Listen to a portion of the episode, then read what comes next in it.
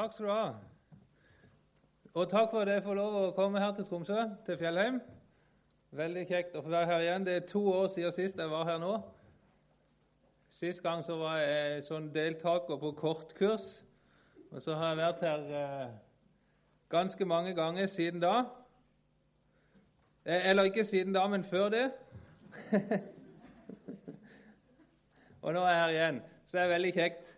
Det er jo òg kjekt å få tildelt hele 45 minutter å legge fram en sak på. Som regel så pleier jeg bare å uh, bli tildelt en halvtime, og så pleier jeg å bruke 45 minutter. Nå får vi se hvordan det går i dag. Men eh, uh, jeg skulle si bitte om meg sjøl, og det kan jeg jo gjøre. Jeg heter Andreas Årikstad. Jeg bor i Kristiansand og jobber der som barne- og ungdomsarbeider i NLM. Jeg er 60% ute og reiser, som det heter, i regionen med barne- og ungdomsarbeid. Og så er jeg 40% på Misjonshuset i Kristiansand som ungdomsleder der. Så har jeg ei kone som heter Eirin Norheim, født Norheim, nå Årikstad. Eh, og hun er fra Flekkerøya, og hun bor da òg i Kristiansand sammen med meg. Og vi har fem barn sammen. Sånn at eh, Da vet jeg hva jeg holder på med sånn utenom jobb, og dere vet hva hun holder på med der hjemme. Så da kan vi jo begynne med å be for både oss her og hun som er hjemme. Kjære far, takk for at vi skal få være sammen her nå. Og takk for at uh, vi skal få være sammen om uh, dette temaet, om skapelsen. Kjære far, takk for at uh, vi skal få tro at du skapte, at vi er her med ei mening, med et mål, at vi ikke er et produkt av tilfeldigheter. Nå ber jeg om at du må velsigne denne samlinga, at vi må få ta til oss av ditt ord. At du må velsigne samlinga sånn at det ikke må bli bare tema og bare spissfindigheter, men at det må bli et møte med ditt ord og et møte med deg, Jesus. Det ber vi om i Jesu navn, og så ber vi for Eirin og ungene hjemme, og for alle de andre som har noen hjemme, eller som har noen de tenker på, eller i det hele tatt de menneskene som vi omgås. Vil du dra alle til deg? I Jesu navn. Amen. Jeps. Evolusjon og skapelse, skapelse eller evolusjon, er det så nøye, satte jeg som ei undertittel på kveldens samling. Og nå skal jeg si det først at Denne samlinga i kveld blir nokså annerledes enn de møtene som skal følge på nå. For eh, de neste følgende kvelder så skal vi samles mer til bibeltime slash møte om Jesus i urhistorien. Eh, I dag blir det litt mer seminarpreg, så vet dere det. Men er det så nøye, dette med skapelse og evolusjon? Kan vi ikke egentlig bare tro hva vi vil når det gjelder dette?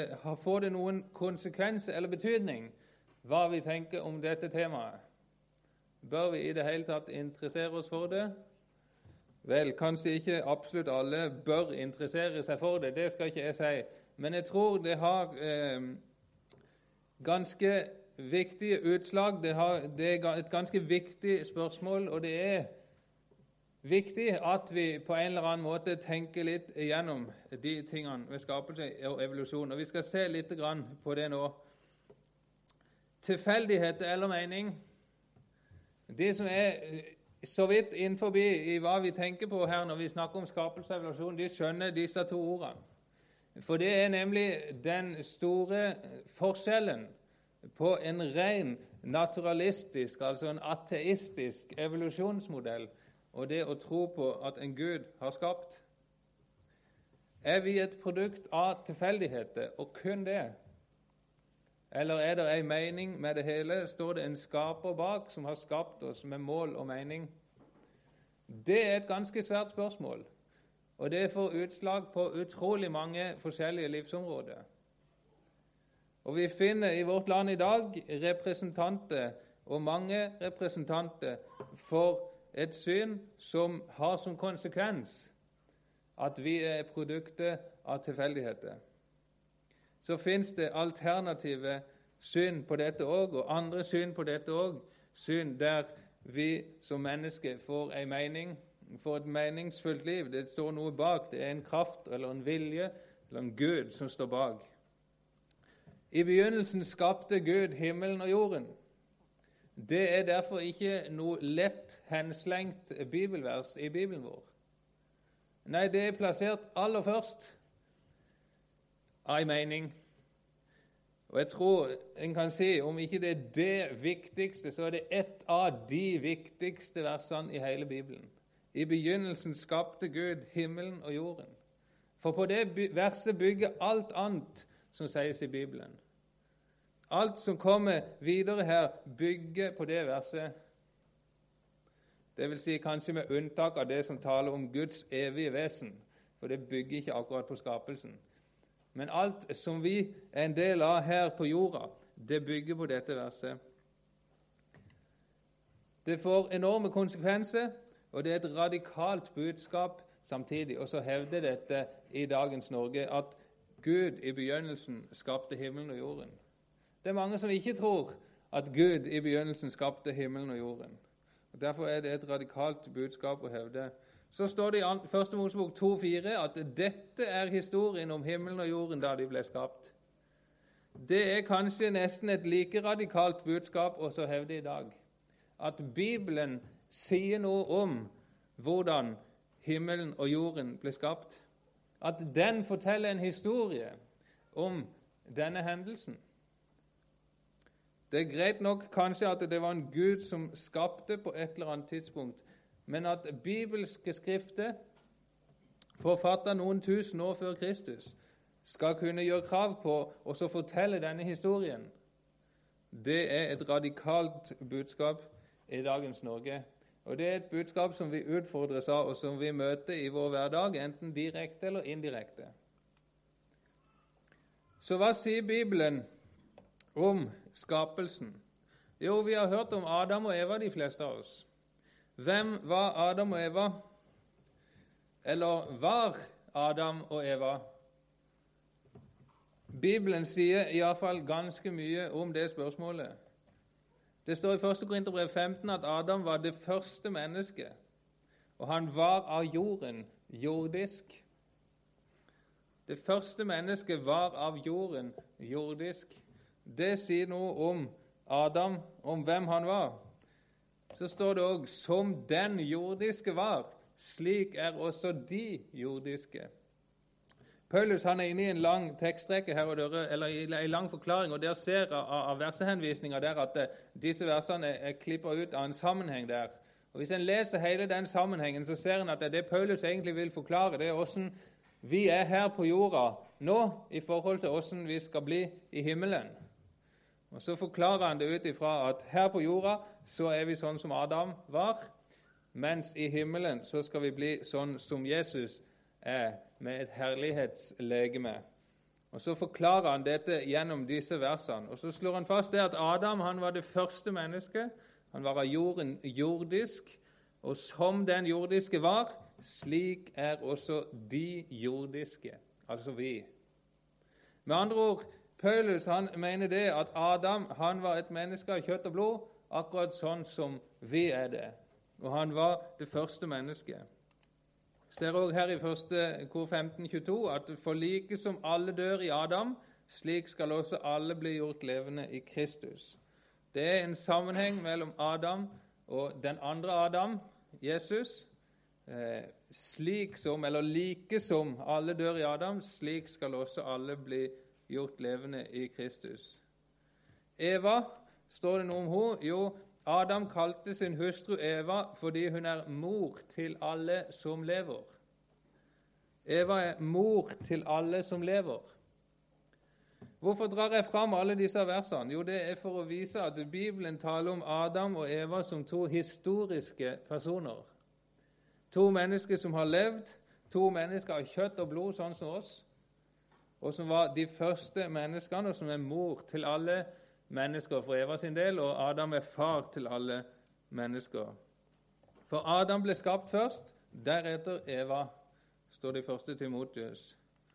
Så står det et vers her òg, andre kor 11. Men jeg frykter for at like som slangen dåret Eva med sin list, slik skal også deres tanker bli fordervet og vendt bort fra den enkle og rene troskap mot Kristus. Det verset sier mye forskjellig, men det sier bl.a. det at det skjedde noe i Edens hage med Eva. Hun ble dåra. Og Det sier indirekte òg noe om at dette er noe som kan skje med oss, som er mennesker av kjøtt og blod, akkurat som Eva var det. Adam og Eva i Bibelen, altså. Hvis vi leser videre i Bibelen fra de første to-tre kapitlene, så ser vi det ganske fort at det bygger seg opp ei slekt i Bibelen. Det blir ikke værende med bare Adam og Eva som de to første menneskene, men det er i etterslekt etter dem. De får barn, barna får barn, og det blir mange barn. Den slektslinja som dere ser på nå, det er ei slektslinje fra Adam og til Jakob. Abraham, Isak og Jakob, altså på slutten. Og Så ser dere her at eh, Adam han blir skapt her i år null, hvis en følger den tidslinja. Og Så lever han 930 år, står det, før han dør. Og Så ser dere her, den streken her, den er satt på 130 år. Og Det markerer den alderen Adam hadde da han fikk sønnen Sett. Sett levde i 912 år, men når han var 105 år, så fikk han sønnen Enos. Og Enos var vel 90 år når han fikk Kenan, osv. Dette er nøyaktige opptegninger i første Mosebok 5 og 11 og litt videre ut i første Mosebok. Over slekta mellom Adam og Jakob. Via Noah, som vi har her, og flommen som går som denne linja opp her, og fram til Abraham, Isak og Jakob. Og så De to siste linjene her det er markeringer for når israelsfolket vandrer til Egypt og ut av Egypt. På alle disse slektsleddene her så er det ett år som det kan eh, reises tvil om, holdt det på å si, i, i forhold til hvilket år det skjedde. Om, eh, hvis ikke jeg husker feil, så var det om Sem var 100 år eller 101 år når flommen kom. Resten av disse slektsleddene de er så nøyaktig opptegna at det går ikke an å sette i tvil om hva som står i Bibelen. At Adam var 130 år når Seth ble født, det kan ikke strekkes verken den ene eller den andre veien. Du kan selvfølgelig prøve deg på å sette noen ledd innimellom her og tenke at kanskje var Kenan egentlig bestefaren til Mahalalel. Og så setter du inn et ekstra ledd her men det står likevel at Kenan var så og så gammel da Mahalalel ble født. Så selve tidslinja vil ikke forskyves om du forskyver noe, eller setter inn ekstra ledd her. Dette som dere ser på, det er den mest nøyaktige slektstavla i Bibelen. Når du begynner å se på slektstavla fra Jakob og fram til Jesus, for den foreligger òg, så er det vanskeligere å sette opp et helt nøyaktig skjema ut ifra det som står. Men denne første slektslinja, den er helt nøyaktig. Den går det ikke an å strekke på. Og så er det her egentlig tvilen settes inn i forhold til om dette kan stemme. For når vi ser på dette historisiteten av Adam og Eva, hva stemmer egentlig her? Er det en historie som er verdt å lytte til, en historie som faktisk har skjedd. Er det historisk troverdig, det som står i Første Mosebok? Så forteller disse tingene her, her oss at Bibelen hevder i alle fall det. Bibelen hevder at Adam og Eva var historiske personer, at det kom ei slekt etter dem som leda ut til egentlig dannelsen av alle folkeslag. Og Det kan vi lese litt om i 10 og 11, første Mosebok 10 eller 11, der det regnes opp de forskjellige slektene og folkeslagene som blir resultatet av Sems og Kams og Jafets etter, altså Noas tre sønner. Så skal vi gå litt videre og se på et litt annet element her. Gud så alt det han hadde gjort, og se det var overmåte godt. Og Det ble aften og det ble morgen den sjette dagen, står det siste, siste verset i kapittel 1 i Første Mosebok. Guds skaperverk var overmåte godt. Ja, Hvorfor sier jeg det? Hvorfor er det noe poeng å trekke fram? Jo, det er fordi at eh, hvis vi skal sammenholde Første Mosebok med dagens rådende teori om fortida, nemlig evolusjonsteorien, ja, så må nødvendigvis alle disse tingene som jeg nå har sagt, trekkes i tvil. Da kan ikke Adam og Eva ha vært de to første menneskene som levde for ca. 6000 år siden, og som altså noen hundre år senere ble fedre og stamfedre, stamfar og stammor til Abraham. Det kan ikke være sant hvis evolusjonsteorien stemmer, iallfall med alle de fasettene som han foreligger. Og Det kan heller ikke stemme at alt var overmåte godt fra begynnelsen når Gud skapte. For evolusjonsteorien starter nettopp med noe ufullkomment, med noe som stadig utvikler seg til det bedre, og som absolutt ikke er overmåte godt fra begynnelsen. I Bibelen så står det òg at Gud fullførte på den sjuende dagen det verk han hadde gjort, og han hvilte på den sjuende dagen fra alt sitt verk som han hadde gjort. Skapelsen ble fullført av Gud på den sjuende dagen. Evolusjonsteorien lærer en skapelse som stadig pågår, eller en tilblivelse, egentlig, som stadig pågår. Noe som er ufullkomment og ufullendt. I 2. Mosebok 29 så står det, og dette er midt inne i budene, når hviledagsbudet gis Seks dager skal du arbeide og gjøre all din gjerning, men den sjuende dagen er sabbat for Herren din Gud. Du skal ikke gjøre noe arbeid, verken du selv eller din sønn eller din datter, verken din trell eller din trellkvinne eller ditt fe eller den fremmede som er hos deg innenfor dine porter. Og så står det For på seks dager gjorde Herren himmelen og jorden, havet og alt det som i dem er, og han hvilte på den sjuende dagen. Derfor velsignet Herren sabbatsdagen og helliget den. Igjen så gjentas dette her med de seks skapelsesdagene. Og Legg merke til at her står det at på seks dager gjorde Herren himmelen og jorden, havet og alt det, det som i dem er. Ofte så trekkes det fram at ut ifra Første Mosebok 1, skapelsesberetninga fra starten, så kan du liksom lese det første verset for seg sjøl, om at Gud skapte himmelen og jorden. Og Så er det noen som sier så går det kanskje millioner av år mens jorden svever i øde og mørke og tomhet. Og så begynner Gud sin skapergjerning, kanskje for 6000 år siden. Nå er det mange ting å utsette på en sånn tolkning rent vitenskapsmessig, men det skal ikke jeg gå så veldig inn på. Men jeg vil bare peke på det at i andre Mosebok står det altså at Herren Gud gjorde på seks dager himmelen og jorden og alt det som i dem er, og havet.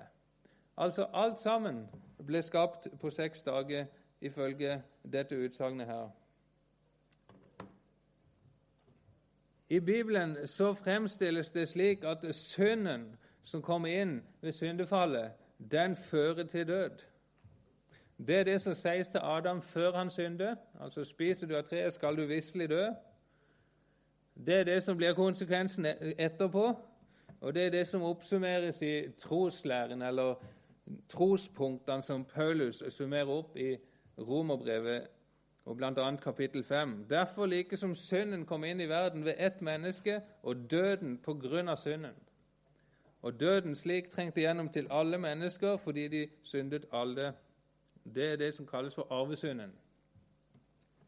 Altså, døden kom inn i verden fordi synden kom inn i verden. Et sentralt lærepunkt i den kristne tro. Men evolusjonen forutsetter altså at død må være der for i det hele tatt at mennesket skal bli til. Det er noe helt motsatt der. Død må være der for at synden kan komme, men synden kan egentlig aldri komme ifølge en ren evolusjonslære. Alt er egentlig ufullkomment og ufullendt. Men for at mennesket skal bli til, så må døden være en del av prosessen som skaper mennesket. 'Survival of the fittest' heter det. og Det logiske punktet på andre sida blir jo at det blir 'dead of the unfit'. Den som ikke er tilpasningsdyktig nok, han dør. Og slik bringes de tilpasningsdyktige fram. Slik overlever de som er best evna til å tilpasse seg. Og så er det det som skaper mennesket. Dødsprosessen, egentlig. Tid og død som skaper mennesket. Bibelen sier altså at det var overmåte godt, at det var fullendt. Og så falt mennesket i synd, og døden kom inn i verden. En helt motsatt utvikling, om du vil. Så er det noe som heter forbannelsen òg i denne syndefallsberetninga som vi kan lese i det tredje kapittelet i Bibelen. Og Jeg tror det er nyttig å skille mellom syndefallet og den forbannelsen som fulgte av syndefallet. Døden var en del av den forbannelsen som Gud ga over syndefallet, og som han hadde lovt at han skulle gi, som han hadde lovt skulle være en konsekvens av synden. Men det kommer på en måte i to bolker i Første Mosebok 3. Først hører vi om syndefallet, at synden får overtaket på Eva og på Adam, og så kommer forbannelsen over skaperverket. Til Adam sa han, 'Fordi du har gjort dette, skal jorden være forbannet for din skyld.' Gud han utsier en forbannelse over jorda etter syndefallet. Det er Gud som gjør dette. Det er Gud som er handlingens subjekt for denne forbannelsen. Og den skjer i etterkant av at Adam har synda. Og I Romerbrevet kapittel 8 så hører vi litt mer om denne forbannelsen. og Der står flere vers som vi kunne lese. Nå har jeg bare tatt med ett. Det står 'skapningen ble lagt under forgjengelighet'. Altså Det var jo det Gud hadde lovt ifra før. Du skal dø. Skapningen, står det her, ble lagt under forgjengelighet. Ikke frivillig, men etter Hans vilje, som la den under forgjengelighet. Forgjengelighet det høres ut som et vanskelig ord, men det betyr at noe skal forgå. Det skal ikke bestå, men det er forgjengelig. Skapningen ble lagt under forgjengelighet gjennom denne forbannelse. Og Hvis vi leser de andre versene her, så ser vi at det, det gjelder ikke bare mennesker, men det gjelder hele skaperverket. Det skal forgå. Og Det er jo det vi finner mange andre plasser i Bibelen òg. Himmel og jord skal forgå, men mine ord skal slett ikke forgå. Så aner vi her at under denne forbannelsen som Gud utstedte over menneskeheten og over jorda og over skaperverket, så er det egentlig en velsignelse. Det er egentlig en velsignelse ifra Gud at denne verden skal få gå.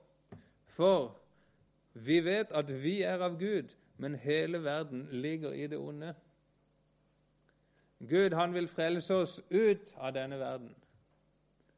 Og Derfor er det egentlig en velsignelse at denne verden skal få gå. At vårt gamle menneske skal få gå, og at vi kan få bli frelst ut av denne verden. Men det er altså et viktig punkt å få med seg dette at Gud forbanner skaperverket. Når vi forsker på jorda i dag, ut ifra det som jeg nå har sagt, ut ifra det som Bibelen forteller om vår fortid, så blir det altså sånn at vi forsker på ei jord som er under forbannelse. Vi forsker på ei jord som er forbanna av Gud. Vi forsker på ei jord som er underlagt forgjengelighet. Den jorda som vi bor på, den skal forgå. Den er lagt under forgjengelighet. Skaperverket er lagt under forgjengelighet. Og når vi forsker på skaperverket, så vil vi nødvendigvis måtte finne ut at det er forgjengelig. Og det finner vi ut. Det er alle forskere enige om. Men vi forsker altså òg, skal vi ta på alvor det som jeg har tatt ut fra Bibelen nå, fra første, andre og tredje kapittel i Første Mosebok, på ei jord som er annerledes enn det den var ifra, begynnelsen. Den var overmåte god, den var fullendt, men så ble den lagt under forgjengelighet. Og når noe blir lagt under forgjengelighet, ja, da høres det for meg ut som at det før var under uforgjengelighet. For når Gud legger noe under forgjengelighet, så må det vel ha en effekt på en eller annen måte. Hvis vi sier det at jorda alltid har vært sånn, så gjør det egentlig Guds forbannelse til intet. Da hadde ikke den noen effekt. Men hvis Guds forbannelse over jorda, at han la den under forgjengelse, hvis det var under forgjengelighet, hvis det hadde effekt, ja, da må jorda ha vært annerledes før Gud la den under forgjengelighet. Vi forsker på ei jord som er i ferd med å bli avvikla. Den skal få gå. Vi forsker på jorda som om den oppsto og fungerer uten en gud. Ja, I det store og det hele så gjør vi det, for det er en ateistisk eller naturalistisk tankegang som ligger bak det aller meste av forskninga. At vi forsker på jord som om den oppsto og fungerer uten en gud. Og så forsker vi på jorda som om den alltid har vært lik, og altså aldri overmåte god. Konsekvensen er at det som ofte omtales som Guds andre bok, eller naturen, den er altså forbanna. Det er en del som sier det at har, Gud har liksom gitt oss to bøker. Den ene boka er Bibelen, og den andre boka er naturen. Og Når vi ser på Bibelen og ser på naturen, så skal det ikke være noen motsetning mellom de men de skal gi det samme inntrykket. Og det er på mange måter sant, men det er på noen måter ikke sant. For Guds bok, Bibelen, den er det bare velsignelse i. Men Guds bok, naturen, den er altså under forbannelse. Den er forbanna, og den er lagt under forgjengelighet. Og den er ikke sånn som den skulle ha vært ifra begynnelsen. Sånn som den var ifra begynnelsen. Og det må en ta med i betraktninga når en ser på Guds andre bok. Universitetet i Oslo sammen med Naturhistorisk museum der, de har en sånn en egen erklæring om evolusjon. Der står det at all forskning og formidling ved Naturhistorisk museum UiO bygger på det vitenskapelige prinsipp at jordkloden og alt liv som finnes her, er et resultat av naturlige, biologiske og geologiske prosesser. Det er egentlig det punktet som jeg hadde der i stad. At man forskes på jorda som om det ikke finnes en gud. Som om det aldri har vært en gud som har skapt, og det er ikke noen gud som holder alt liv oppe, sånn som det òg står. Men alt er et resultat av naturlige og biologiske og geologiske prosesser. Det er ikke det at man forsker på dette, for hadde man bare gjort det, så hadde man kanskje lært noe. Men man forsker ut ifra dette. All forskning og formidling bygger på det vitenskapelige prinsipp, sier de. Og dette er altså Universitetet i Oslo. Det står videre i denne erklæringa at evolusjonsteorien bygger på et solid vitenskapelig grunnlag og gir en motsigelsesfri beskrivelse og forståelse av utviklingen av alt liv på jorda en motsigelsesfri beskrivelse. Det er ganske bastant og frimodig å hevde det. Men det er klart at hvis alt er naturlige og biologiske og geologiske prosesser Hvis det ikke fins noen Gud, så er det nokså naturlig å hevde akkurat dette. Så er det nokså naturlig å bygge forskninga ut ifra akkurat dette hvis man har et ateistisk utgangspunkt. En kristen professor i geologi som heter Willy Fjellskår, han er enig med meg i en god del av de tingene som jeg har sagt nå. Han er ikke enig i alt. Han tror bl.a. at jorda er millioner av år gammel. Det tror ikke jeg. Jeg tror hun er 6000 år ca. Men eh, han sa dette her i avisen Dagen for ca. et halvt års tid siden. Og Der sier han at basis for dagens geologiske forskning er at prosessene på jorda virket i fortid slik de gjør nå. For å forklare litt altså Basis for dagens geologiske forskning er at prosessene på jorda virket i fortid slik de gjør nå. Det er jo det som vi har snakka om nå, at det har skjedd endringer i jordas historie. Det har vært en forbannelse som ble lagt inn over det overmåte gode skaperverket som var fra begynnelsen, forgjengeligheten ble lagt inn over det skaperverket. Men basis for dagens forskning er altså at prosessene på jorden virket i fortid akkurat slik som de gjør nå. Og Så skriver han videre hvis det er slik at jorda i fortid var helt annerledes enn i dag, så er, geologisk, så er geologisk forskning vanskelig, for ikke å si umulig. Det har han helt rett i, veldig langt på vei. Det er umulig å si noe om den fortida hvis ikke en har skriftlige, troverdige kilder som kan si oss noe om fortida. Og Det er der Bibelen kommer inn.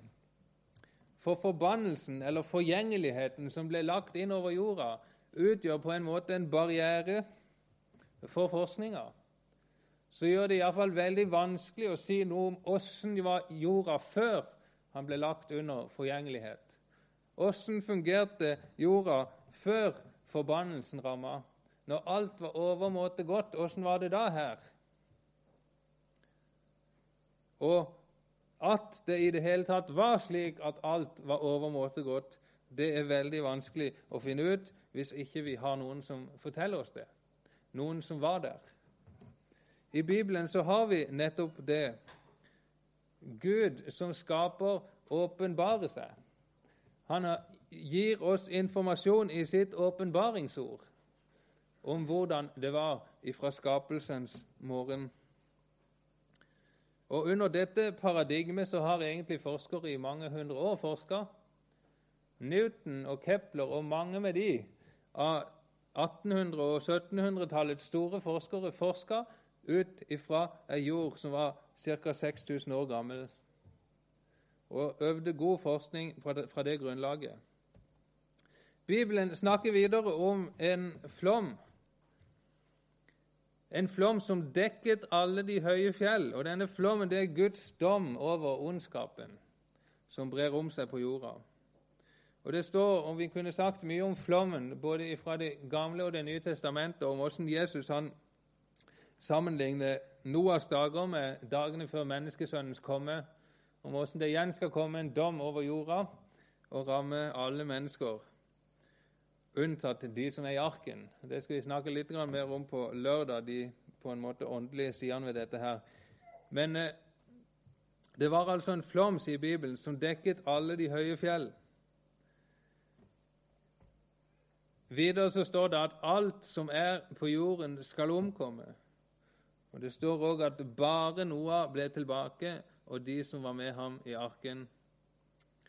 Bibelen snakker om en global flom, en flom som dekker hele jorda, en flom som forårsaker at alt liv omkommer, unntatt det som var i arken av de som har livspust i nesa, riktignok. Dvs. Si at eh, hvaler og, eller sånne, sånne, eh, Det står om, om, om, eh, om, dyr som går på marken, vel, og, og om livspust i nesen.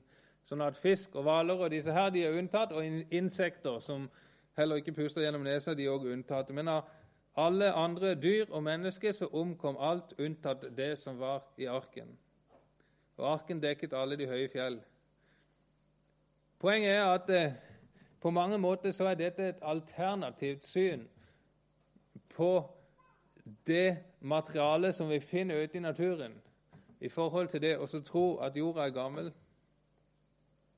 Mange av de lagene, av de sedimentene som vi finner rundt om på hele kloden, altså de geologiske lagene som vi ser i fjellet, de blir forklart med at dette er sedimenter som har lagt seg ned gjennom millioner av år.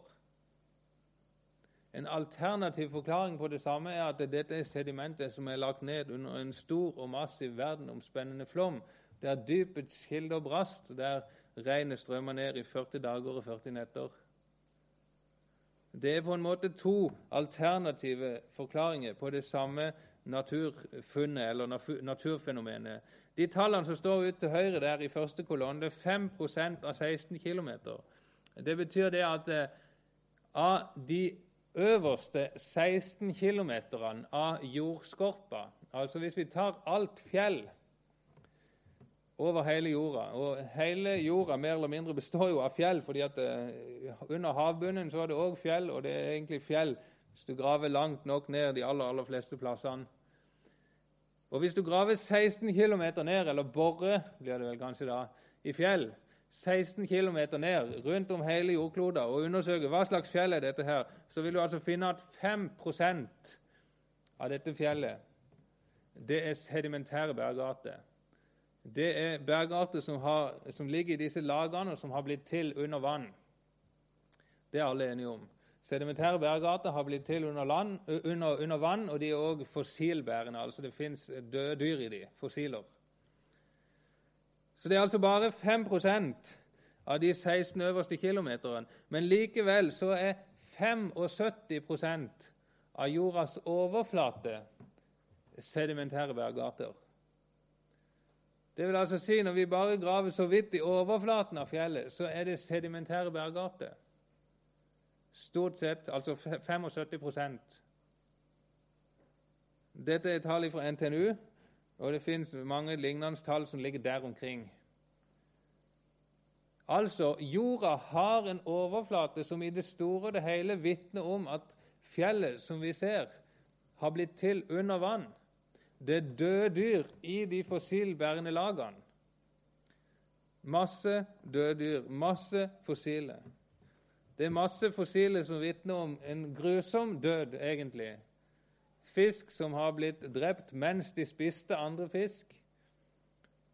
Forskjellige dyr som ligger med vridd nakke eller på, på en eller annen måte har omkommet i en katastrofe. Og det må de ha gjort, alle de som har blitt til fossile. For et vanlig dyr som dør i skogen, det blir ikke til et fossil, men det må dekkes kjapt av sedimentet. Og det er òg masse skjell og sjølevende fossil som finnes rundt om. og Hvis du finner et skjellfossil en gang, kan du være nesten sikker på Nei, du kan ikke være nesten sikker, for det finnes mange døde skjellfossil òg. Men det finnes veldig mange skjellfossil som er lukt. Altså to sånne skjell som henger sammen, som er lukt. Hva betyr det? Jo, Det betyr at den ble begravd levende. For med en gang et skjell dør, så faller disse ifra hverandre, og så åpner det seg. Det fins veldig mange tegn på at det har vært store flomkatastrofer over hele jorda. Spørsmålet og forskjellen på de som tenker evolusjon, og de som tenker at det var en global flom, er at det, ved den globale flommen da er det én stor flom, mens evolusjonsmodellen snakker om mange mindre flommer som har skjedd her og der forskjellige plasser på jorda gjennom millioner av år. Men alle er f.eks. enige om at Mount Everest, fjellkjeden, den ble til under vann. Det er skjellfossil òg i Mount Everest-fjellene, som nå er 8000 meter høye, men som ikke var det når de lå under vann. Som reiste opp i etterkant. Noah-historien, tilbake til den. Noah skulle ta med seg dyr om bord for å holde deres slekter i live på hele jorden, står det. Hva var poenget med at Noah skulle ha med dyrene? Jo, for å holde deres slekter i live på hele jorden. Var det et poeng hvis det bare var en lokal dalføre i Midtøsten som skulle bli oversvømt? Nei, men det var et poeng hvis hele jorda skulle oversvømmes. Så snakker Peter òg om flommen, i tråd med flere andre i Det nye testamentet. Han snakker om den gamle verden som gikk under, og den daværende verden. Altså en major katastrofe som skjedde på Noras tid. Alt dette og mye mer viser at flommen ifølge Bibelen var global. Og Du kan lete opp mange sånne ting i Bibelen som sier direkte eller indirekte at denne flommen var av den dimensjonen. Jeg skal gå veldig kjapt gjennom dette her. Eh, det er på en måte to måter å se på fortida på fra et forskningsøye.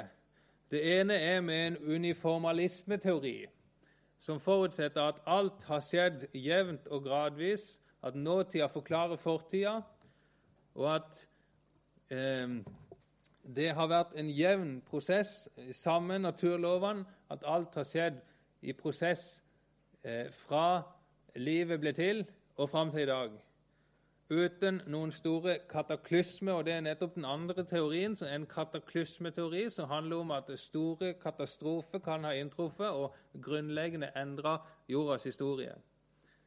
Ordet kataklysmeteori det er fra et begrep i, i vitenskapelig terminologi på dette. I 2. Peter 3, når Peter snakker om flommen, så bruker han nettopp det greske ordet kataklysme. Altså Han snakker om en sånn katastrofe som har inntruffet.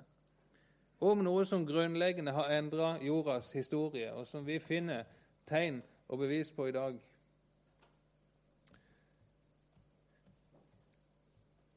Forskninga kan, og det kan ofte være en hjelp å se litt på det, deles opp i empirisk vitenskap og historisk vitenskap. Vi tenker vanligvis på den empiriske vitenskapen når vi tenker forskning. Altså det som vi lærer på fysikken og på kjemien, om reagensglass og mikroskop, om at vi kan gjøre forsøk. Og Hvis nestemann gjør det samme forsaket, så ser han nøyaktig det samme resultatet, for det følger naturlovene. Og Det kan observeres her og nå, og det kan gjøres av hvem som helst. Det er observerbar og gjentagende bar. Det er empirisk vitenskap, sånn som vi kan ta og føle på, måle og veie. I motsetning til det står historisk vitenskap, altså det å si noe om fortida. Det kan vi ikke gjøre med empiriske virkemidler alene, men vi må bygge på noen antakelser. Det er ikke observerbart, og det kan ikke gjentas. Vi kan ikke gjenta en skapelse. Vi kan ikke gjenta en, en, en, en ting som har skjedd i fortida, på den måten. Det bygger på et uniformalismesyn. Et syn om at alt har skjedd i tråd med samme måten som ting skjer på i dag, i fortida. Det bygger på et syn som sier at det, det ikke har vært noen Gud som har grepet inn i historien og gjort grunnleggende endringer. Derfor så kan vi i all hovedsak stole på den empiriske vitenskapen. Men det er grunn til å stille spørsmålstegn ved den historiske vitenskapen og si kan vi gå god for de antakelsene som det bygges på her? Evolusjonsteorien som sådan og skapelsen i Bibelen fremstår som en rekke motsetninger. Er jorda ung eller gammel? Er, jord, er, sola skapt før jorda, eller jorda før sola? Som kjent så blir jorda skapt på dag én i Bibelen, og sola ikke før på dag fire. Mens i Big Bang-teorien så må nødvendigvis alle soler ha blitt til før, eller iallfall solen blitt til før planetene rundt sola. Var begynnelsen god eller dårlig? Var det en global eller en lokal flom? Er Adam det første mennesket? Er det troverdig historie, det som fortelles oss i Første Mosebok, eller er det allegoriske myter? Så er det en del av det som jeg vil kalle kompromissteorier. Forskjellige slags teorier som tar opp i seg noen elementer fra Bibelen og noen elementer fra vitenskapen, men som aldri helt kommer til rette med alle sider ved vitenskapen eller ved Bibelen. Det er mange forskjellige ting og nyanser som en kan diskutere her, og som vi skal diskutere, og som vi skal eh, søke sannheten sammen i. Men på de aller fleste, de aller fleste av disse punktene som er satt opp over, er òg aktuelle i de aller fleste av disse teoriene. Og problemene med forskninga Problemene med den rådende forskninga, det ateistiske eller naturalistiske evolusjonsteorien, er stort sett like uansett hvilken av disse teoriene du innehar. Du vil få i noen teorier større problemer med Bibelen og mindre med vitenskapen, og i noen mindre problemer med eh, vitenskapen og større med Bibelen. Hvordan ble det, ble det omvendte? Det tør jeg jammen ikke si. Men nå skal ikke jeg gå inn på alt mulig av forskjellige nyanser her. Eh, men bare peke på at her er det motsetninger. For meg så har denne saken kommet til å handle ganske grunnleggende om Bibelens troverdighet. Det kan jeg stole på det som står i Bibelen? Ikke bare når det gjelder om at Jesus døde for meg på korset, for det tror jeg jo. Men taler Bibelen sant når den uttaler seg om biologi, geologi, astronomi og historie? Og hvis han ikke gjør det, hva grunnlag har jeg da egentlig for å tro at den taler sant om min frelse? Nå sier jeg ikke det at det skal bli et spørsmål for deg, men for meg så har det blitt et spørsmål. Snakker Bibelen sant på alle disse punktene? Jesus han sier i Johannes 5.: For hvis dere trodde Moses, så hadde dere trodd meg. For det er meg han har skrevet om. Men hvis dere ikke tror hans skrifter, hvordan kan dere da tro mine ord? Av en eller annen grunn så kobler Jesus disse tingene sammen. Og Vi ser også her fra Johannes 3.: Når jeg har talt til dere om de jordiske ting, og dere ikke tror, hvordan kan dere da tro dersom jeg taler til dere om de himmelske? For meg så har dette med Bibelens troverdighet egentlig alltid vært viktig. Og jeg har i mitt liv fått oppleve det at eh, det å se hvordan Bibelen taler sant i forhold til dette med skapelse, det har styrka min tro på Bibelen, på Gud.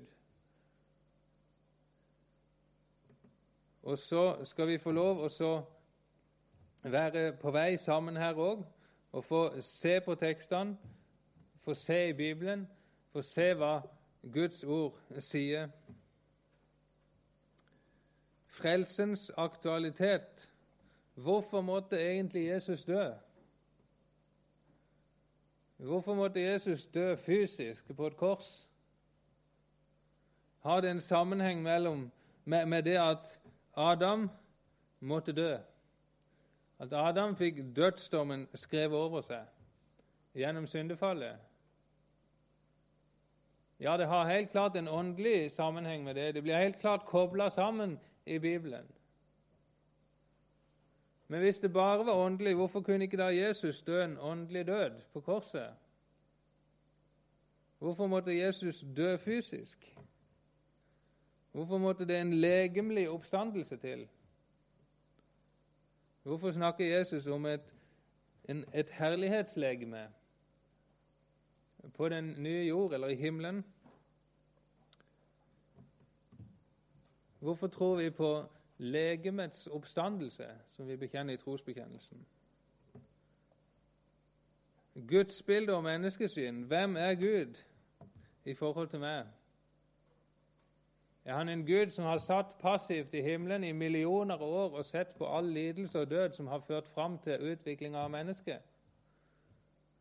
Eller er han en Gud som talte, og så ble det skapt? Som bød, og så sto det der? Ja, For meg så kom iallfall Gud nærmere når jeg begynte å jobbe med disse tingene. I forhold til dette med Bibelens troverdighet og alle disse tingene, alle disse forskjellige greinene og kunnskapsgreinene Jesu død og oppstandelse, handler det om liv og lære først og fremst? Ja, det tror jeg alle kan være enige om. Det handler om iallfall lære. At Jesus døde og sto opp. Men handler det òg om historie? Ja, Paulus sier at dersom ikke Kristus har stått opp, da er vi ennå i våre synder. Da er deres tro intet, og dere er ennå i deres synder. Det handler om historie. Det er en historisk hendelse at Jesus døde og sto opp igjen. Handler det om biologi? Ja, det gjør faktisk det når en død person blir levende. Det er òg et faktum innen biologien at Jesus døde og sto opp igjen. Handler det om slektstavle? Ja, Kanskje ikke akkurat døden og oppstandelsen, men Jesus han blir nå iallfall satt inn i ei slekt, og han blir satt inn i Adams slekt. Handler det om geologi og astronomi? Vel, kanskje ikke veldig direkte, men det står iallfall om et jordskjelv der når Jesus døde. Det er en geologisk hendelse, er det ikke det? Og så står det om at det ble mørkt i tre timer. Kanskje har astronomien på en eller annen måte vært inne der og så forårsaka dette mørket. Med andre ord så har vi alle disse punktene inne på dette ene punktet. Poenget er at det er ikke så lett å skille mellom liv og lære og historie og biologi og geologi og astronomi i Bibelen. Jeg tror det hadde vært en fordel om vi kunne fått tro at alt i Bibelen er sant. At uansett hva Bibelen sier, og uansett hva han uttaler seg om, så er det sant. Og så tror jeg at jeg har fått se at det er mange gode grunner til at vi kan få tro nettopp det. Disse tre var Noahs sønner, fra dem bredte menneskene seg ut over hele jorden. Første Mosebok 9,19. Er det sant at Adam og Eva er opphavet til alt? Eh, unnskyld, at Sem, Kam Jafet er opphavet til alle mennesker i dag? Handler det om historie eller biologi eller slekt? Ja, iallfall alle de tre. Nå ser jeg på klokka at jeg må skynde meg. Og Vidar nikker, da vil jeg skynde meg enda mer. For meg så har denne saken egentlig blitt mer og mer viktig etter hvert som jeg har fått jobbe med den. Gud alene æren, har jeg skrevet her. Og Jeg tror ikke det er noe i dag som fratar Gud æren, sånn som evolusjonslæren. At Gud ikke har skapt, men at alt har blitt til tilfeldig. Til og med når vi står i himmelen, så skal vi lovsynge Gud, for du har skapt alle ting, står det i Åpenbaringen 4,11, og på grunn av din vilje ble de til, og de ble skapt for skapelsen, altså. Jeremia 2,27.: For de sier til treet, du er min far, og til steinen, du har født meg. De har vendt ryggen til meg og ikke ansiktet. Men når ulykken kommer, sier de, reis deg og hjelp oss. Det er en urovekkende, eller hva skal vi si, skummelt, nøyaktig fremstilling av evolusjonslæren. Til steinen, du er min far. Nei, unnskyld, til treet, du er min far, og til steinen, du har født meg. Det er nøyaktig slik livet har blitt til ifølge evolusjonslæren. At steinen har født liv i en suppe, og at treet og vi har felles slekt. Vi er i biologisk slektskap, og dette snakket Jeremia om. Salme 4,3.: Dere mennesker, hvor lenge skal min ære være skam? Hvor lenge vil dere elske tomhet og søke løgn?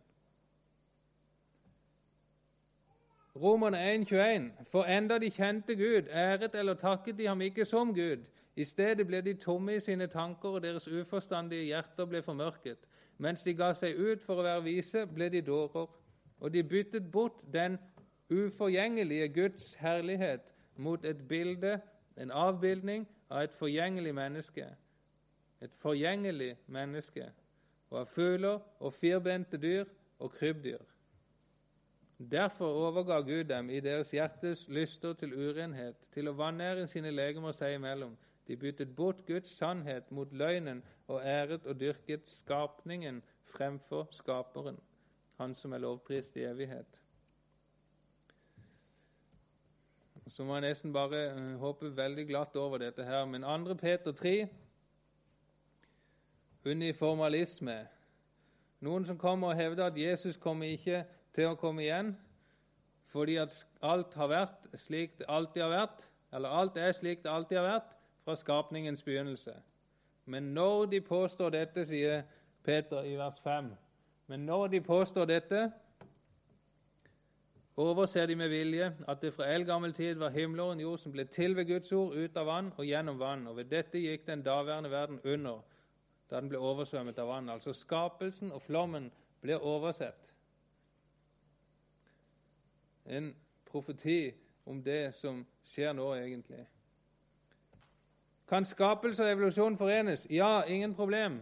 Skapelse og evolusjon må forenes for at evolusjon skal være sann, for evolusjon uten en gud går ikke. Det er umulig. Men skapelse og evolusjon kan forenes.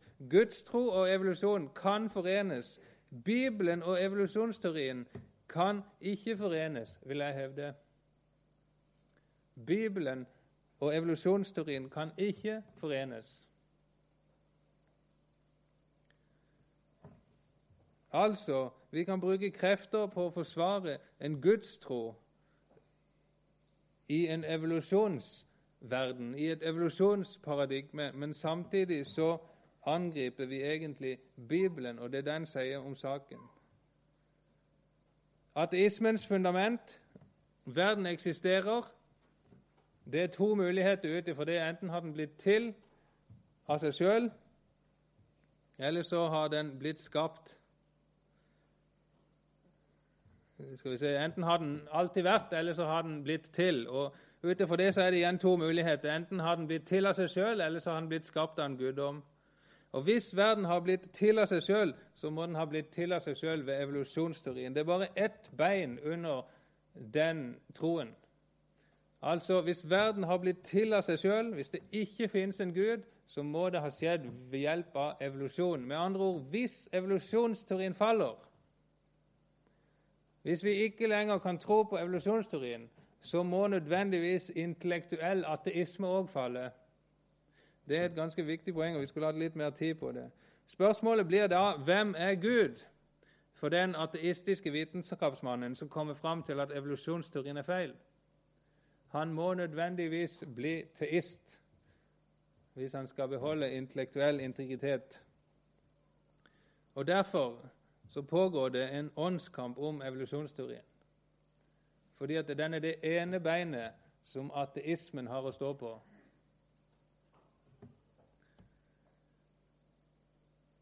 100 fakta om evolusjon. Dette var ei spennende barnebok som jeg fant, med morsomme fakta, spørreleker og oppgaver. Og så ser vi Darwin med 'The Whole World in His Hand'. Jeg syns den var fin, den der. Første fakta er selvsagt at jorden er omtrent 4600 millioner år gammel. Så fins det lignende bøker om dinosaurer, og jeg tok det med bare for å vise hvordan dette innprentes fra barna er veldig små. Sønnen min han var én måned, eh, måned, på skolen før han fikk lære om den kristne skapelsesberetninga, som altså var evolusjon. Én måned hadde han gått på skolen før han lærte dette. I Bibelen så står det om dinosaurer skapt på dag seks krypdyr inn i arken, alle krypdyr som rører seg. Og så ser vi de òg igjen andre plasser i Bibelen. Nå har vi ikke tid til det. To alternative verdensanskuelse. Død over millioner av år. Gud sier at alt var overmåte godt, og det fortsetter med død. Eller det begynner godt. Gud sier at det var overmåte godt. Så kommer syndefallet, og døden kommer inn i verden. Det gir et sterkere håp for en framtidig verden der løven igjen skal tygge strå som oksen. Så har jeg denne boka som ligger nede i, uh, i baki der, som dere kan ta med dere og skrive opp mailadresse, så får dere en regning. Her er det masse sånne 'men hva med?'-spørsmål oppi den. Hva med stjernene og avstanden? Hva med kaien? Dere kan jo enten kjøpe boka, eller så kan dere komme og stille spørsmålene i neste time. Da sier jeg takk for meg så langt. Og så vil jeg reklamere mest for den boka der. Den er til å stole på. Yes, da får du slutte av.